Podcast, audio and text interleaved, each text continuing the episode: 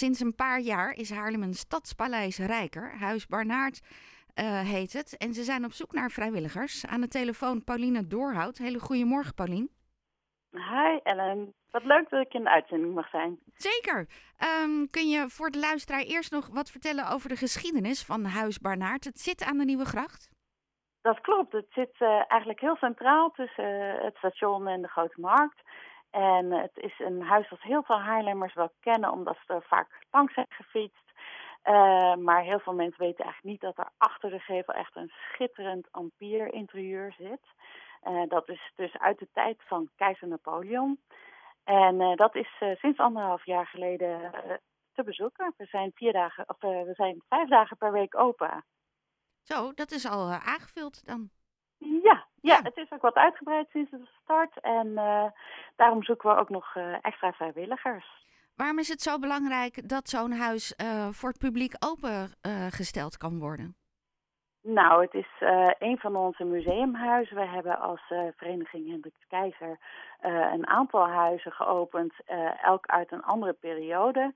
En wat we willen is dat mensen eigenlijk de woongeschiedenis van Nederland kunnen zien. Dus elk huis komt uit een andere tijd. En dit is dus de Ampeertijd. Dat is rond 1800. En jullie zijn op zoek naar vrijwilligers. Wat moet je dan als vrijwilliger kunnen als je je wil aanmelden? Nou, als je het heel erg leuk vindt uh, om met mensen om te gaan en om bezoek te ontvangen, dan ben je al een heel eind. Uh, want wat wij graag willen is dat bezoekers zich heel erg thuis voelen in de huizen die we hebben.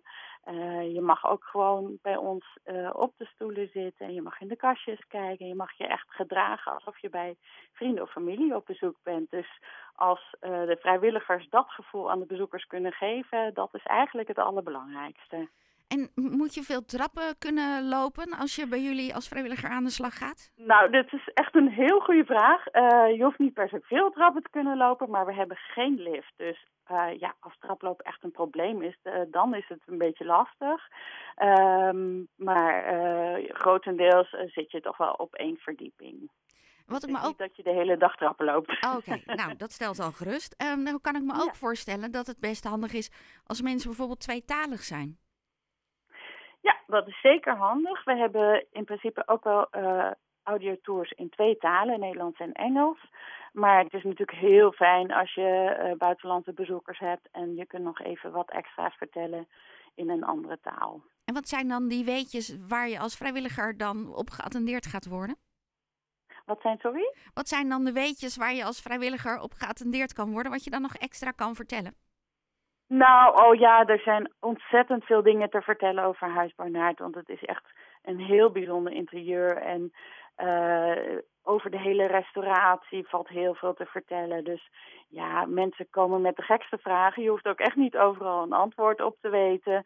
Uh, maar uh, ja, vrijwilligers weten natuurlijk altijd net wat meer dan de bezoekers. Ja, ja, maar kan je daar een voorbeeld van geven? Als je dan bijvoorbeeld in de woonkamer of de, de keuken bent? Ja. Of, ehm, ja, nou ja, bijvoorbeeld uh, een van de aspecten is dat uh, bezoekers eigenlijk in kamers kwamen waar de bewoners van het huis zelf uh, doorgaans niet kwamen, want zij hadden hun eigen privévertrekken.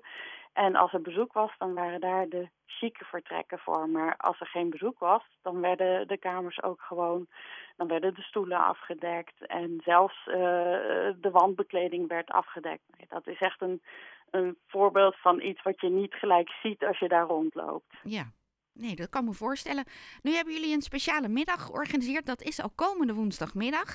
Uh, voor ja. de luisteraars of kijkers die kijken via televisie of via internet. Daar heb ik jouw e-mailadres al in vermeld. Maar ik ga het ah, ook nog op de website fijn. zetten. Want nou, we kunnen ons aanmelden fijn. bij jou. Ja, heel graag. Dus uh, als je denkt van goh, dat klinkt hartstikke leuk, want ik vind het leuk om mensen te ontvangen. En uh, vrijwilligers zeggen ook heel vaak van goh, ik ga echt met heel veel energie weer weg, want ik heb zulke leuke gesprekken gehad.